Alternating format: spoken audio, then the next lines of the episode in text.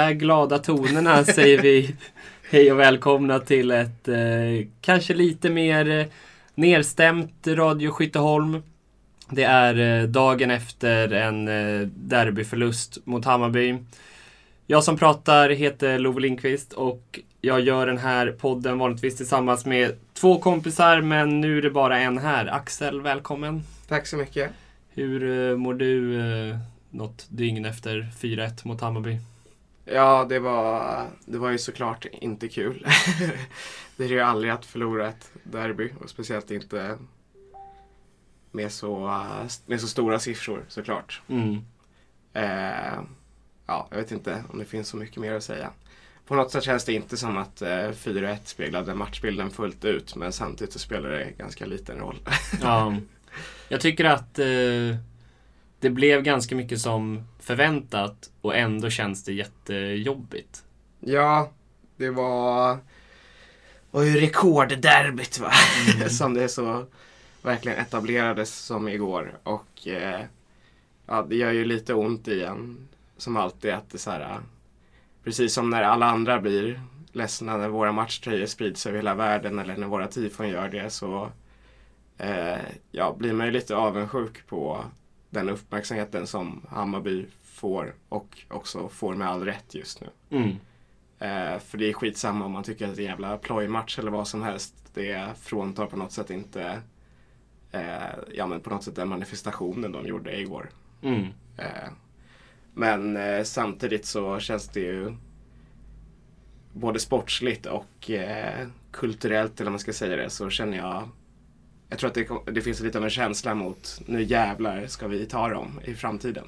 Och sen om det blir om ett år eller om fem, eller tio eller tjugo. Men jag tror att det finns många i AIK just nu som är väldigt peppade på att eh, ja, men ta igen det här försprånget som de grönvita har skaffat sig. Ja. Vad var din eh, känsla igår på matchen då, när det är ja, men upp mot 20 000 som går och tittar på en eh, dammatch och vi står bland eh, fler aik än vad det brukar vara på Skytteholm i alla fall? Ja, alltså så här, det känns som att, eh, att det har blivit lite så här eh, hån mot hur få vi var där eller vad man ska säga. Men eh, ja, vi är typ 500 och sen var det några på sittplats också som var där tycker jag gjorde en, en eh, fin läktarinsats ändå. Mm. Eh, och det gladde mig ganska mycket att det gänget som höll igång mest, som jag misstänker kan ha varit eh, Norra Ungdom.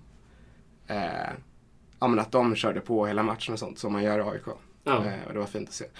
Nej men alltså det var ju annorlunda mot eh, det derbyt som man kommer gå på söndag mot, mot Hammarby här. Mm. Definitivt. Det får man ändå säga. Det var ju knappt någon polisnärvaro överhuvudtaget vad jag såg. det var väldigt, väldigt städat på många sätt.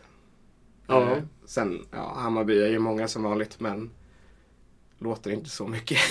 Nej, de blev jävligt sura när jag skrev det på Twitter att eh, de är dåliga på att ha tryck. Då fick man istället så här bilder på hur liten vår klack var. Så här, ja, det var inte det jag påpekade, att vi skulle Nej. varit bättre. Nej, men eh, jag tror att det finns mycket att ta med sig mot, eh, eller av det Hammarby gjorde i den här matchen eh, till oss. Och sen så kan de sjunga om fantasi då igen, men det är inte unikt att eh, rekrytera publik heller. Nej, men eller precis. göra ett, en stor match. Hur långt ifrån tror du att vi är att kunna göra någonting liknande? Vi alla vet att det planerades eh, en kampanj förra året som inte blev av. eh, Och ja, det var ingenting man plockade upp i år. Men finns det en möjlighet att vi kan toppa det här nästa år? Eller är det naivt? Ja, alltså att man inte kunde plocka upp det i år tycker jag inte är så konstigt i och med hur oklart allt har varit. Och det skulle ju varit den här Djurgårdsmatchen, men då var det fortfarande restriktioner. Nej, alltså den matchen förra året, det blev ju lite av en skandal i riksmedia där att eh, vi hade sökt krisstöd för att vi hade budgeterat för 30 000 åskådare vad det var. Mm. Och där vet jag inte riktigt om vi hade varit. Eh, Hammarby försökte göra det här med Djurgården, eller mot Djurgården, eh, 2018 också. Eh, att fylla Tele2 och slå publikrekord. Och då kom det 4 000. Mm. Och det skryter de inte om så mycket. det är en bra publiksiffra för en dammatch, absolut. Men jag menar mest att det visar att så här, eh, det tar tid att bygga upp saker. Och det kommer det nog göra för oss också. Och Ja. jag tror att det är lite nöjt att tro att vi kan slå det här publikrekordet nästa år. Men man vet aldrig. Men vad kan Hammarby ha gjort på de eh, fyra åren då? Eller tre åren blir det. Att ja, men gå från 4000 när de går för publikrekord och sen i år kändes det som att ja, det är väl självklart att de kommer, eh, kommer bräcka det. Liksom. Ja, jag vet inte. Jag kommer ihåg när, eh, hur jag fick reda på den matchen eh, då. Det var att jag tror att vi hade ett herrderby mot dem några omgångar innan och att de gjorde reklam för den matchen där. Och då tänkte jag, att det här kommer de verkligen slå ju såklart. Men det gjorde de inte. Det är svårt att säga. Det är mycket, mycket av den publiken man ser igår, i alla fall från vår kortsida, är ju ungdomslag och ja, familjer till ungdomslag ganska mycket. Och det menar jag inte som något så här att det tar ifrån publiksiffran någonting utan snarare att det är en väldigt Alltså det är en väldigt klassisk väg att gå i publikrekrytering. Mm. Att eh, bjuda in, ja men Sanktan-kortet för vår generation är väl ökänt för jättemångas väg in till alla Stockholmsklubbar egentligen. Och säkert till lag i hela Sverige. Ja, jag vet inte vad frågan var från början. Nej, men eh, liksom om det är någonting de har gjort som man tydligt kan se att de har gjort väldigt rätt. Eh, att de ändå kan öka så mycket i publik på så pass kort tid. ja, jag vet inte, vad tror du? Nej, men, jag, jag, dels ja, men det som du är inne på att liksom att folk ska hitta en väg in. Jag tänker lite på hur kanske AIK Hockey jobbar. Att man har eh, någon match som man säger, nu är det Globen-matchen. Liksom. Nu ska Mm. vi möta Leksand på Globen. Och då är man 13 000 där och så hoppas man att några av de 13 000 ska gå mot eh, Vita Hästen på Hovet eh, onsdagen efter. Ja, Ehm, att det är inte fel att börja med sådana här spektakelmatcher. Det var också så Hammarby här fick sin stora publik på Tele2. De körde spektakelmatch eh, när de var i Superettan och sålde slut. Eh, Mm. Och alltså innan den matchen hade inte de Alltså då hade de liknande publiksiffror som Djurgården. Det var inget speciellt liksom. Sen så satsade de på någon, någon eh, match mot Ljungskile eller vad det var. Mm. Nej men det där har ju AIK gjort många gånger också. Eh, på här sidan då. Ändå.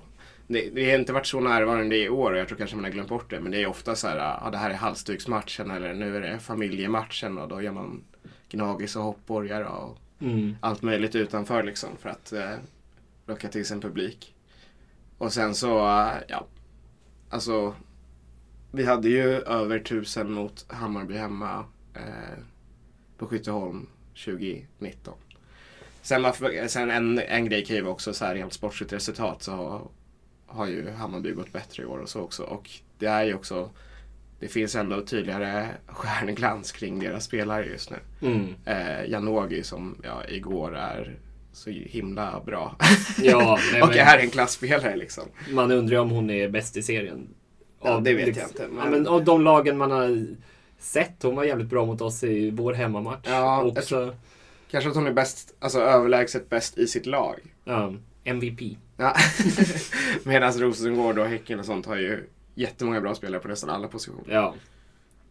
Men eh, lite om eh, matchen då. Det, ja, du var inne på att eh, 4-1 eh, kanske inte riktigt eh, speglar matchbilden. Jag tycker att Hammarby tar ju tag i matchen från första början och ja, men, skapa, de har ju ett konstant tryck mot vårt mål egentligen i första halvlek. Vi kommer till ett par halvchanser, men sen är det ju på en eh, grov tabbe av Konja Plammer när hon, ja, bollen är någonstans i vadhöjd och hon ska nicka hem den till Milla och det blir bara en, ja, men en passning till deras anfallare som skjuter ett skott som visserligen räddas tror jag. Eller om det är bara ett kastskott som sen eh, Janogy stöter in i öppen målbur egentligen. Och då 1-0 i halvtid, då känns det ju så här, ah, fan det här blir tungt alltså. ja, jag tycker ändå det fanns, eh, det fanns lite positivitet i slutet av första halvleken. Där vi skapar ändå ett par målchanser. Mm. Och eh, så. Men eh, och sen är det väl framförallt i andra halvlek. Ja, där tycker jag de ändå tar täten tidigt där. Vilket man blir besviken på för man känner ju att nu måste vi ta tag i det här. Och ja, Rosa som inte får starta den här matchen eh, kommer in och ser väldigt peppad ut som man hade kunnat förvänta sig. Ja. tycker det är lite konstig petning där. Det är ändå eh, hon är eh, kanske den största AIK-aren i laget eh, på något sätt och är så här kanske har den så här största AIK-inställningen som jag ändå tycker är en del av, om man kan prata om klubbidentitet så är en del av AIKs identitet att så här, vilja tysta folk och så här, komma till ett ställe och så här, ja ni är så här många och låter så här mycket men nu jävlar ska ni få se. Mm. Ni, ni eldar bara igång oss. Ni, ni sänker inte AIK liksom. Det gör ingen. Eh, och, Det är en otroligt konstig grej att göra att inte ta ut henne från start i den här matchen. Ja. Vill inte att några scouter ska se henne. Ja, men, man undrar ju. Nej, men jag hörde, jag, vi var ju där så jag har inte sett eh, någon tv-sändning eller så, men jag hörde att eh, Jenny Danielsson intervjuades inför match och sa att vi kommer inte bara parkera bussen. Mm. Och så, så blir det ändå så att ja, men, kör man med Murray som ytter istället för Rosa så signalerar ju det någonting. Och det känns som att spelarna ja, kanske inte parkerar bussen, men det är inte som att vi går ut och tar tag i matchen heller. Liksom. Nej, inte förrän de tar ledningen. Då tycker jag att vi... Alltså jag är ändå imponerad över att laget eh, reser sig efter det här 1-0 och att eh, ja, eh, ha nästan alla på arenan mot sig på något sätt. Att det är fest eh, på grönvita läktarna liksom. Men, eh, och eh, det är ju, vi har flera nästan-lägen liksom, precis i slutet av första halvlek som Mm. har förändrat väldigt mycket. Ja men som sagt sen i andra halvlek så, ja de gör ju 2-0 där. Eh, försvaret ser ju återigen ganska vilset ut. Ja, men det var ju de gör mål. typiskt sånt eh, hönsgård. Eh, vi har släppt in 30 sådana mål i år. Där bara bollen studsar upp och lite fram. Ja, alltså Conja Plummer har ju inte en jättelyckad match tyvärr efter att ha sett väldigt stabil ut. Mm. Hon är ju extremt nära på att göra självmål. ja. Maja Sar gör ju nästan hennes bästa räddning där när Ja. Plummer är nära att stöta in den. Eh, men sen efter de gör 2-0 så gör vi ju, reducerar vi typ ja, en minut efter och det är väldigt fint spel där mellan Santamäki som återigen gör en väldigt bra Ja, match. verkligen. Fan hon har knäppt oss på näsan. Ja. Eh, och eh, Collin är involverad också. Och det är Rosa som står där innan. Ja, det är i alla fall ett väldigt fint anfall där. Som Vårt bästa sig- anfall i år. Ja, typ. Det såg så himla enkelt och Ja. självklart ut. Och då eh, kändes det som att vi sjöng ut Tele2 ett tag till och med. Oh, ja. Vi tappra där. Eh, Och håller du med om att det var så jävla nice att se det målet precis framför näsan? Alltså jag har aldrig sett AIK dam från en kortsida liksom. nej, Och att ha det där när man är i målet nästan och nätet rasslar till. Det var... Jag, jag firar aldrig ens eh, kvitteringar vanligtvis. Men här eh, firade jag en reducering Ja, som men en galning. det tändes ett hopp ändå på något sätt där. Och eh, ja, också just för att man tror man hade fått den här ångesten att sen nu jävlar kommer det här rinna iväg när de sätter 2-0. Och sen så kändes det som att eh, ja, nu kanske vi kan vända det här och det hade varit så otroligt fint Mm. att vända det. Och vi dominerar ju efter vårt reduceringsmål. Ja, och sen så är det ju bara fem minuter senare så gör de 3-1 och då går ju luften ur laget ganska mycket, vilket Ja. är förståeligt. Och sen så är det en väldigt märklig straff, men som inte spelar någon sorts roll överhuvudtaget för, för hur den här matchen slutar egentligen. Nej. Men den är ju väldigt märklig. Det är synd. Det, alltså det cementerar ju kross. 3-1, Ja. då kan det ändå vara så här. Ja, men eh, om man bara ser resultatet. Ja, men de tryckte på och sen Ja. så kontrades det in. Nu blir det så uppenbart. Ja, Eh, så, ja det, det är jävligt synd att eh, ja, men deras första mål är en grov tavla. Deras andra mål är bara dåligt försvarsspel och deras tredje mål är väl också, jag har inte sett det i efterhand, men det känns ju som en tavla att uh, Davison bara lämnar en uh, Hammarby-anfallare helt ren i straffområdet. Hoppar upp i en nickduell mot spöken och så är det öppet mål. Liksom. Ja, lite så känns det ju.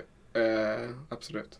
Men jag tycker Hanna Davison i första halvlek, ja, jag tycker hon är en gigant. Det kändes verkligen som att hon, eh, och hon har varit svinbra hela säsongen, men att hon verkligen eh, lyfte i det här eh, med den här inramningen och offrade sig och tacklades och drev upp anfall och jag tycker hon såg hur bra ut som helst. Alltså. Ja, hon är ju verkligen en sån spelare som lyfts av det här tror jag. Eh, och det här trodde jag nog att Plummer skulle vara också. Jag tror inte det har någonting med inramningen att göra att det gick sämre för henne igår utan det var nog bara en dålig dag på jobbet liksom. Mm. Men eh, tycker man måste prata lite om eh, Kajsa Collin också. Det är typ första gången vi ser eh, henne. Ja, vi fick väl se en kvart av henne. Ja. Ja, men alltså det var ju lite av en chock där när truppen kom på morgonen. Att, jag tror, har inte vi pratade om att hon kanske skulle vara borta hela säsongen eller något sånt. Ja, de har ju varit lite förtegna. Ja, det stod de lägger upp en sån här prognos på spelarna som saknas varje trupp och det var ju, jag gick tillbaka och kollade på Växjö-matchen bara för att se om det hade stått någonting. Och då stod det prognos oklart. Så att gå från, ja det kan ju vara oklart för att det betyder imorgon också. Ja. Eller senare. Men, men eh, jag har tolkat prognos oklart som att man är borta en längre tid än, än vad man kan ja, definiera. precis. Är det två eller fem månader? Ja. men eh, ja, hon gör väl inte bort sig den här matchen kan jag inte påstå. Mm. Nej. Nej, men jag tyckte att, eh, ja, visst, det, blir svårt att summera så här, men det kändes som att med en riktig striker, som, som vi har varit inne på, så adderade det någonting till vårt anfallsspelande. Ja, absolut. Men eh, däremot, eh, vilket jag tycker känns lite pinsamt, vi har alltså en svensk spelare i startelvan, Jan Fors, som värvades in från Kristianstad under sommaren. Och det här är ett lag som Ja, men vi kommer upp i Allsvenskan samtidigt som Hammarby och har ganska uppenbart tagit olika vägar där vi ska satsa på akademin och liksom bygga från grunden för att bli jättebra på sitt, sikt och Bayern ja, men, storsatsar direkt. Och ändå när vi möter dem nu andra gången, jag vet inte hur många egenfostrade spelare de hade på planen direkt, men ändå att vi står med absolut noll och ingen i startelvan. Eh, det tycker jag känns, det känns lite Bayern på något sätt. det känns ju väldigt mycket Bayern. Det var väl till och med så att eh, Joy Bokiri saknades i truppen på grund av truppregler. Ja. Nej, men det är ju ja, det är inget annat än ett misslyckande. Det kan man ju inte... Alltså det är svårt att påstå något annat tycker jag på något sätt. Ja. Sen är det ju många svensk-finska spelare. Eh, ja, men precis. Man tänker inte på det för att ja, men Milla och Jenny och ja, men Kajsa också. Det är ju så här, eh, de har spelat i Sverige länge, eller hyfsat länge i alla fall, och pratar svenska. Men, Ja, även fast ingen av de här är ju supergamla spelare. Men de är, de, många av de som spelar den här matchen är ändå lite av de äldre i laget. Jag kan tänka mig att det fanns någon viss sorts rutintanke. Men samtidigt så, den rutintanken är lite svår att eh, applicera i det här sammanhanget. För eh, ingen, ingen har spelat en sån här match i damfotbollen. Alltså, jag vågar Jag- nog jag påstå tror att all- ingen har gjort det överhuvudtaget i damfotbollen till och med. Ja. Nej, alltså, om man ska gå på rutin, man kanske tänker att eh, Barry, vår äldsta spelare, hon borde vara rutinerad. Men jag tror ärligt talat att nu slåss inte de om samma position, men att Rosa, jag tror hon har mer rutin av den här inramningen och liksom, Ja, ja men vad ett derby, för det här var ju ett, ett riktigt derby liksom. Mm, och det, jag tycker ändå så här, den derbykänslan som finns på planen har infunnit sig i alla derbyn jag har sett på damsidan, man ska säga. Alltså den här kampen och det här att man märker att det betyder någonting extra. Mm. Eh, och där är ju... Ja, där känns det som en spelare som Rosa, det är där hon liksom lyfter precis kanske som att Davison gör det också. Eh, jag tycker att Nildén kommer väl in och ser taggad ut i slutet också, även fast Mm. det inte finns mycket att göra. Men ja, det känns ju jävligt tråkigt att det... Dels så förlorar med 4-1 och sen att så här, avståndet till Hammarby känns ganska stort just nu. Även fast man kan säga att vi har valt olika vägar. Men det är inte så att jag hade på något sätt haft mer respekt för om vi förlorar den här matchen med, ja, men med 50% egna talanger och som typ eh, ja, men som typ så här ligger och gråter efteråt. Ja. Nu tycker jag inte att de ser, alltså jag menar absolut inte att spelarna nu ser loja ut utan de tycker också det är tungt och så här känns väl som att ja, men Jenny Danielsson skriver något inlägg på Instagram om hur mycket det här laget betyder för henne och så men att man vill ju, det, det är någonting som ändå eller jag vill i alla fall eh, ha egna spelare i laget liksom Mm. som vi ofta skryter om på här sidan och på de sidan vilka fina akademier vi har. Ja, och det är också så här, att spola tillbaka bandet ett år så var väl Bayern fortfarande före oss organisatoriskt. Men då var vi ganska, ja men, vi utklassade ju dem i serien liksom rent poängmässigt. Och vi gjorde det med ett lag där det var verkligen egna talanger som var i- startelvan. Det var Findell och Redenstrand och Härdling och Lindell. Och nu, ja, Lindell är skadad, finns inte mycket att göra. Men ändå, det, bara så här on top of mind så var det väl fem egenfostrade spelare som var ordinarie i startelvan förra året. Mm. Och då kändes det ju som att vi var före Bayern. Och sen så värvade de in massa stjärnor och helt plötsligt ser det mycket bättre ut för dem. Ja, nej, sen går det inte att sitta och jämföra sig med, med Hammarby och så, utan vi ska ju gå vår egna väg på något Mm. sätt. Men det blir ju, det är ju, är ju, nu blir det mycket paralleller till herrarna, men det kanske blir det efter en sån här match också, eftersom att eh, det är på något sätt, eh, den här inramningen är ju på något sätt importerad från en supporterkultur kring herrarna, även fast den skiljer sig i den här matchen. Mm. Eh, och ja, men he- hela indragningen med Tele2 och tifon och bengaler och budisar och allt sånt liksom. Eh, och det är lite det som så här, eh, men som pratades om här säsongen 2019 då att så här, den var inte så dålig egentligen men Djurgården och Bayern kom före Mm. så då var det världens katastrof. Och sen kanske, sen tror jag att många av de förändringarna som sen gjordes förra året var nödvändiga på något sätt. Oavsett hur det hade gått. Eh, men eh, att eh, det blir ju, ja en sån här dag blir det lätt att man jämför sig så sen känner man bara varför är vi så mycket sämre just nu Ja. på alla plan. Ja men precis och det känns ju liksom som att eh, Ja men typ hade Djurgården legat eh, där Växjö ligger i tabellen då kanske man hade sett på den här säsongen på ett annat sätt också. Jag vet inte. Ja, absolut. Nej, men jag tror eh, ja, det finns, finns mycket jobb kvar att göra framöver. Eh, det är ju spännande på något sätt också. För det är mycket, den här matchen är också en signal på att eh, någonting händer ju just nu i damfotbollen. Och det är inte bara den här matchen utan det är många andra saker. Mm. Eh, och eh, det ska bli väldigt spännande att se hur AIK som klubb menar jag då tar sig an det här. Eh, och vad man gör framöver. Mm. Jag tror att det farligaste är ifall man blir eh, för stressad av det här. Det tror jag inte att AIK blir, men ifall man säger "Ha, Hammarby är så mycket längre fram än vad vi är och man försöker liksom ja, men antingen göra en idiotisk toppsatsning som eh, misslyckas eller ja, men nu ska vi spela på Friends eh, på söndag mot Häcken. Eh, det, är- nej, det krävs ju lugn och ro. Och det är ju, alltså, vi har pratat om det förut också, att Bayern är ju några år före oss. Liksom. Det gäller ju bara att ja, men, ha tålamod och tugga ikapp det försprånget som de har. Ja, sen tror jag inte man kan ha i ledningsmässigt då så jag tror jag inte man kan ha, man ska inte få panik för man kan inte ha för mycket tålamod heller. För alltså oavsett vad man tycker om typ kvalitet på fotbollen eller sådana struntsaker eller vad som helst liksom. Eller att det är jippo eller vad som helst så är verkligheten är sån att så här, eh, fotboll är väldigt mycket ekonomi i nu. Mm. Det är mycket det det pratas om. Och damfotbollen kommer på sikt kanske inte bli lika stor men det kommer bli en stor faktor. Och de klubbarna som lyckas förvalta det här och lyckas dels få ut mer av sin redan existerande supporterbas men också bygga en ny som kanske bara är intresserad av damerna. De kommer gynnas jättemycket ekonomiskt av det här och det kommer spegla både herr och damsidan. Mm. Det är inte det här en isolerad grej i de sportsliga organisationerna. Det är ett AIK. Och om, om vi vill vara, om vi vill bli Nordens största klubb som det oftast pratas om, då är det här en väg vi, vi borde och behöver gå och ta på allvar. Mm.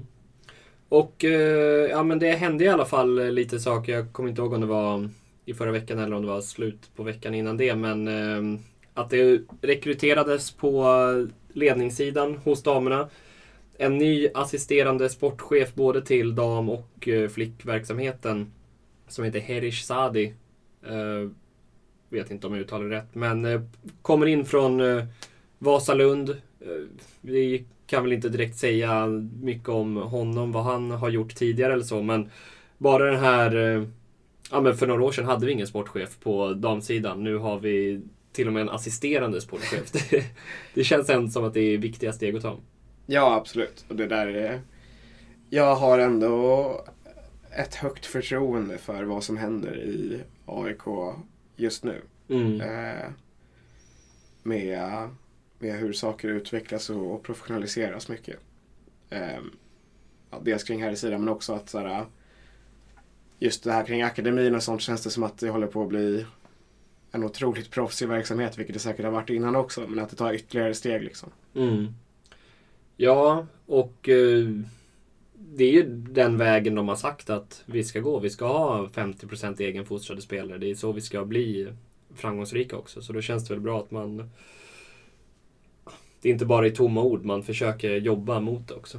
Ja, och eh, det jobbas ju på någon sorts eh, större vision och strategi just nu i hela AIK fotboll som ju presenterades delvis på årsmötet men det var ju mest att så här, ja, vi har inte kommit så långt att vi kan presentera någonting klart men så här, så här jobbar vi just nu liksom.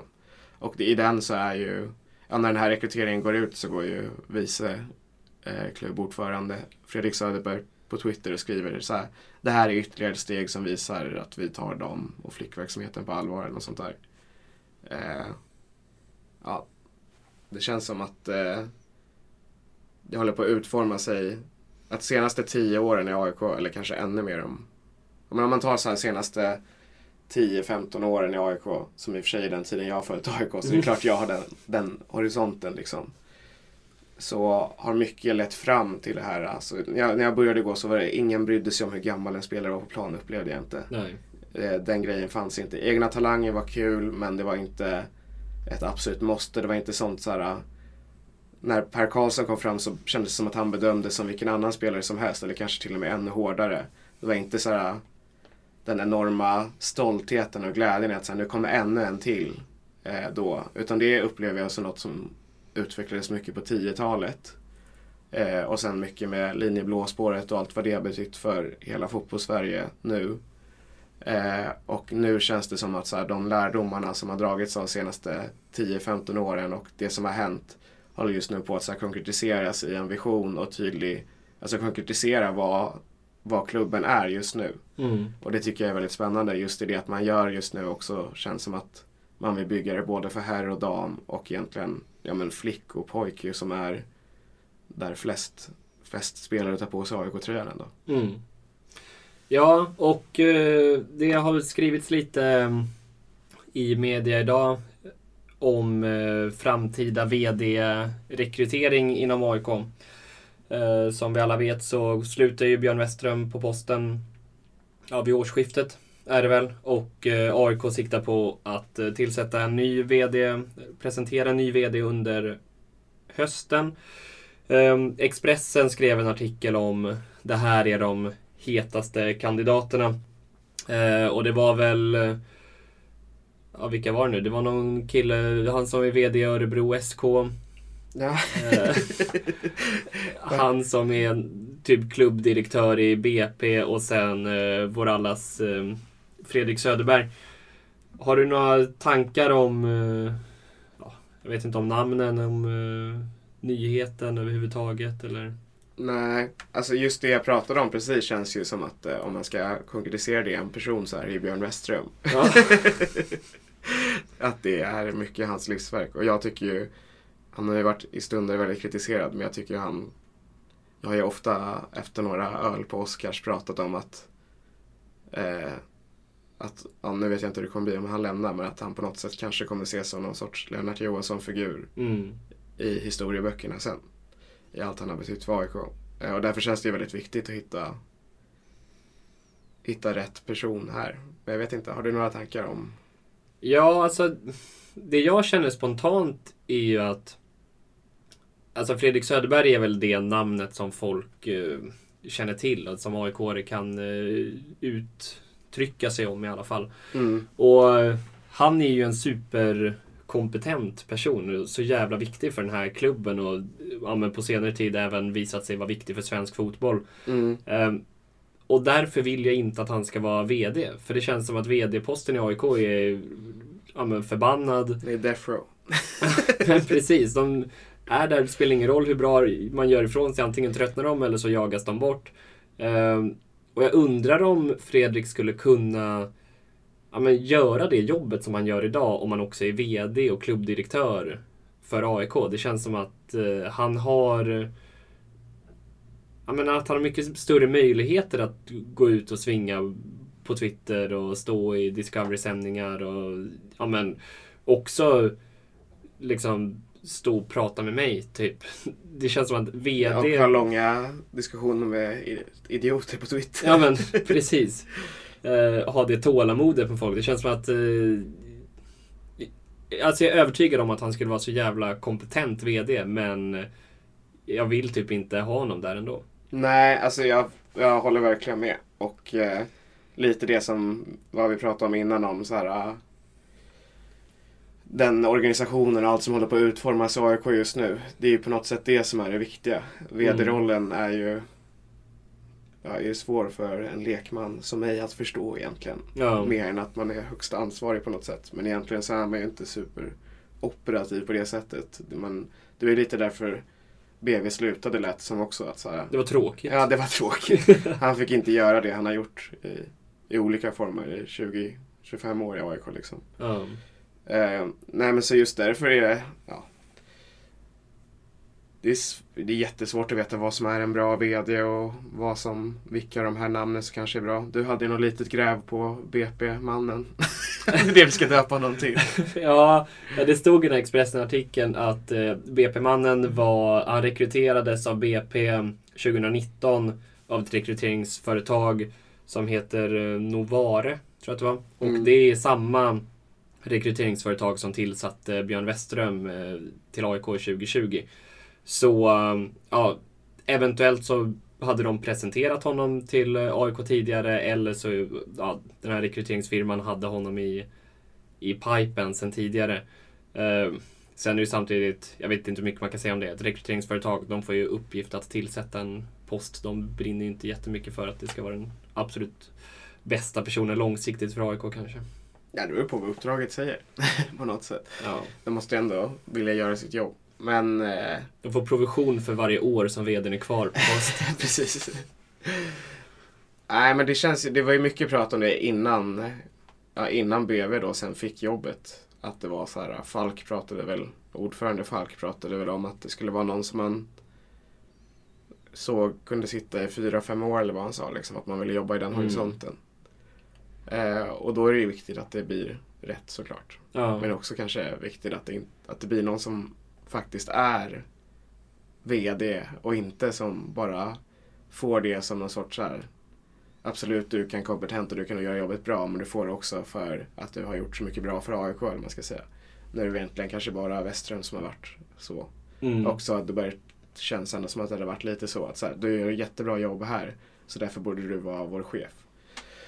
Uh, men Ja, alltså Örebromannen. vi, vi kommer inte kolla upp namn på den. Örebroman, han tillsattes ju 2014 då, sades det. Och Örebro är ju, Örebro herr då, sportklubb, är ju inte en bra plats just nu. Nej men det är inte som om man tittar på ÖSK och bara, fan vad fint det är där de är. Nej, och det har ju pratats ganska mycket senaste tid om deras så här naiva femårsplan. Ja. Som jag inte vet om han han var ansvarig för egentligen. Ja, men, men, det låter han har väl haft det. ett finger i leken. Ja, men var det 2014 då? Ja, skitsamma. Femårsplanen är väl, skulle inte den tagit slut nu? Den ja, då är, då är det ju det första han gjorde eventuellt. Uh. Eh, och det var ju att de skulle spela i Europa och allt vad det var. Och det var ju typ den femårsplanen som gjorde att Alexander Axén eh, drog därifrån för han uh. var nio galna. Så han har ju stora drömmar om det, om det är han som är ansvarig för den. Men ja, det stod att han var populär i idrottssverige. Det är väldigt svårt att säga någonting överlag. Det stod att Antonielius, som är på Nike, hade blivit erbjuden jobbet, trodde Expressen. Och det hade ju känts som en ganska naturlig rekrytering på ett sätt. Mm. Eh, utan att veta så mycket om det. Men samarbetet med Nike har varit väldigt lyckat och eh, Söderberg rekryterades väl som från en samarbetspartner också. Det kanske är en ja, Från uh, Friends Arena var det han jobbade Ja, eller om det var Stockholm Live som hade driften. Jag kommer inte ihåg. Ja. Ah, ja. Men uh, känner du att om, om, du fick bestämma, vill du ha en VD som är um, ja, men, Björn Westström-typen verkligen så, här, ah, så jävla mycket AIK eller vill du ha någon som helt random har varit VD på Apotek Hjärtat och kommer in och bara gör sin grej? Uh, det spelar inte jättestor roll för mig faktiskt. Måste jag ändå säga. Jag tycker att de vdarna som har kommit utifrån eh, Alerup och Edselius och de hotade killarna. Mm. De var väl inte AIK som jag förstod det innan, men blev väldigt mycket AIK i rollen. Mm. Och jag tror att det kanske är det viktigaste, att hitta en person som brinner mycket för sitt jobb och som ja, men har en förståelse och respekt för vad man jobbar med. Liksom. Vad Ja. tycker du? Eh, ja, nej men jag är nog eh, lite inne som du. Det, alltså jag tror att det oftast är bra om en VD inte märks jättemycket Mm. för supportrarna. Men eh, uppenbarligen måste göra ett bra jobb eh, inne på kansliet. Liksom. Jag kommer ihåg när jag var mindre, då var det så här. Och som jag tror väldigt många AIK är idag, man, bara, man fattar ingenting. Va? Jag skiter väl i, i det här. När man blir äldre förstår man väl mer vad en VD kan ha för betydelse för klubben och just att ja, men, det, vi är ju en ganska liten klubb. Det är inte så jävla många som jobbar inom AIK liksom, men det påverkar ändå. Det blir fler och fler känns det som. Ja, precis. Ehm, nej, men det påverkar ändå många, ja, vi har, vad säger man, stor kundbas på affärsspråk. Så, Ja, absolut. Och det är ju mycket av jobbet är ju det som man inte som supporter är superengagerad i men njuter av frukterna av det är ju ungdomsverksamheten som på något sätt ändå är central i, i hela klubben. Och som Mm. är, central i publikrekrytering också.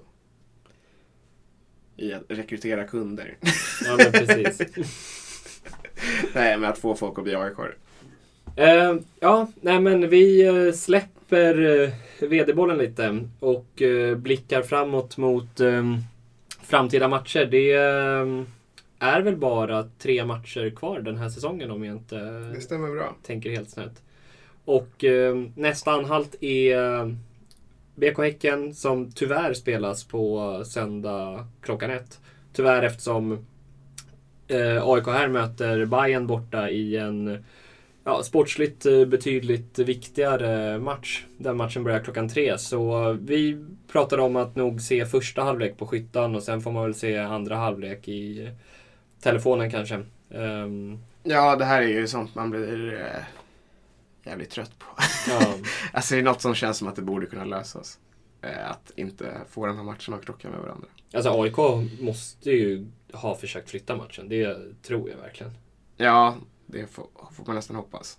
Jag vet att, eh, hur var det, Rosengård mötte något av dem, Bayern eller Djurgården den här säsongen och fick in, alltså de, den krockade med den här matchen och de ville flytta den. Men Rosengård sa nej. Okej. Ehm, och eh, ja men Ja, troligtvis det har är ingen som håller på Häcken så det är lätt att förstå att man inte kan ha den förståelsen. Ja, men samtidigt Nu börjar hetsen mot Häcken. Jag vet, fattar inte hur viktigt det kan vara för dem att den ska spelas just då. Nej, spelar den klockan sju på morgonen. Ja. Nej, men... Eh, Häcken är intressant. De, alltså när man kollar Häckens spelschema, de möter så här Lyon och Bayern München och Vittsjö och, och AIK.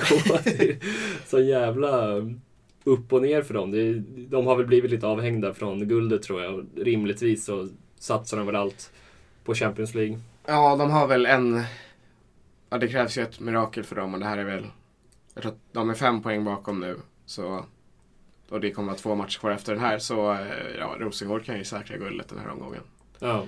Vi måste ändå uppmärksamma att Växjö vann en match. Ja, just det. De vann, eh, de vann mot Piteå och fan, alltså man tycker ju nästan synd om dem. Att, tänk om de hade vunnit mot oss och sen vinner Ja, mot men Piteå. det är också vilken, vilket otroligt... Eh, alltså Danielssons mål där är ju så himla himla viktigt Ja. i allt det här.